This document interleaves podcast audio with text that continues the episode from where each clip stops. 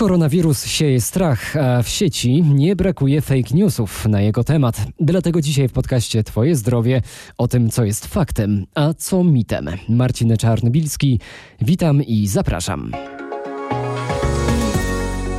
Zacznijmy od tego, że nowy koronawirus SARS-CoV-2 wywołuje chorobę o nazwie COVID-19. Przenosi się drogą kropelkową, a objawia najczęściej gorączką, dusznościami i bólami mięśni.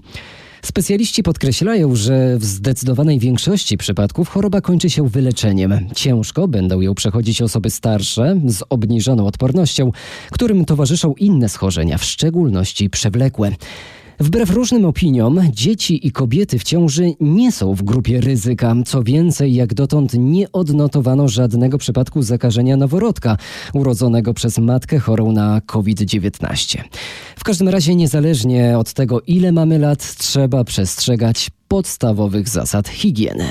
Częste mycie rąk to jest wietrzenie pomieszczeń, to jest unikanie zatłoczonych miejsc. Są to choroby przenoszone drogą kropelkową i właściwie poza unikaniem jeszcze miejsc zatłoczonych higiena kichania. To chyba jest taka też e, najważniejsza droga odcięcia przenoszenia się tego typu wirusów.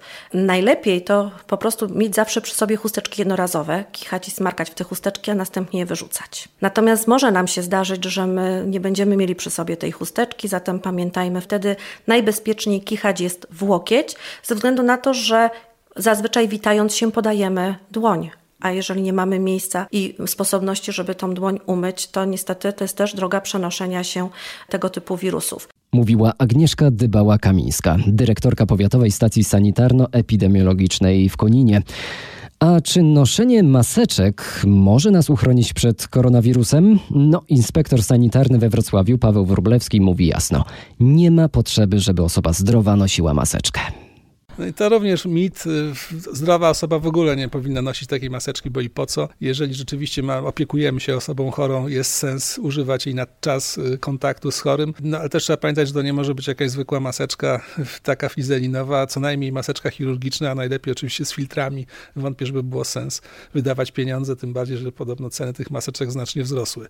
Maseczka rzeczywiście jest istotna głównie dla personelu medycznego, który ma kontakt z chorymi. Jeżeli my jesteśmy chorzy i musimy iść w jakieś zgromadzenie, to też załóżmy tą maseczkę, żeby nie zarażać innych. Ale też trzeba wtedy o, o, tym pamiętać, żeby ją jednak zmieniać co jakiś czas, no bo nic nie, nie ma w tym dobrego, jeżeli wykaszlemy i wykichamy w tą maseczkę i potem hodujemy te bakterie y, na, sam, na własnym ciele. O tym, jak rozpoznać koronawirusa, rozmawiał Grzegorz Jasiński, dziennikarz RMFFM z dr Pauliną Nowak, specjalistą medycyny rodzinnej. Coraz więcej wiemy o objawach, jakie pojawiają się u osób y, zakażonych koronawirusem i to także bywają objawy łagodniejsze niż do tej pory myśleliśmy. E, tak, e, są to czasami objawy bardzo łagodne. Tutaj taką grupą wiekową, e, na którą warto zwrócić uwagę, są dzieci. Dzieci bardzo często mają objawy, na przykład 1-2 dni. Potrafią mieć też objawy związane z nieżytem przewodu pokarmowego. Mogą to być też objawy infekcji łagodnej dróg oddechowych, takich troszeczkę przypominających ostrzejsze przeziębienie. Objawy te mogą ewaluować z czasem, ale niekoniecznie. I takie dziecko się wyleczy, natomiast jest potencjalnie osobą, która może zakazić większą grupę ludzi. Mamy teraz sezon grypowy i lekarze cały czas przestrzegają, by nie lekceważyć y, grypy jako takiej. I tu się może okazać, że te y, objawy tak nie do końca wpadają w którąś y, kategorię. Jak rozumiem, pani doktor, sugestia jest taka, należy dzwonić do lekarzy rodzinnych. To nie jest zawracanie nikomu głowy, to jest po prostu działanie profilaktyczne, żeby ewentualnie nie zaniedbać grypy, która też może przynieść powikłania. E, tak, oczywiście należy dzwonić i do lekarzy rodzinnych, i do stacji sanitarno-epidemiologicznych. Jeżeli Państwo już widzicie, że te objawy rzeczywiście um, świadczą o tym, że może to być e, infekcja koronawirusem, potencjalnie wybierajcie stacje sanitarno-epidemiologiczne, ponieważ my, lekarze rodzinny, tak będziemy mieli tych konsultacji bardzo dużo. Proszę brać to pod uwagę, że czasami może być też trudność kontaktu oczywiście z nami. E, natomiast zapraszamy i będziemy konsultować, tak.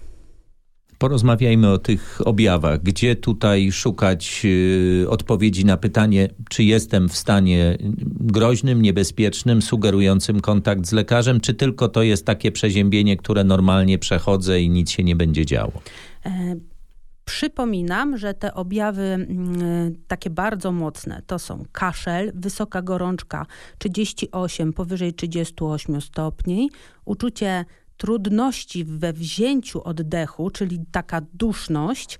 E, są to już objawy stosunkowo niepokojące. Tutaj dzwonimy pod numery alarmowe, które są szeroko dostępne e, w mediach. Łagodniejsze objawy potrafią też być podobne do drobnej infekcji mówiła dr Paulina Nowak, specjalista medycyny rodzinnej.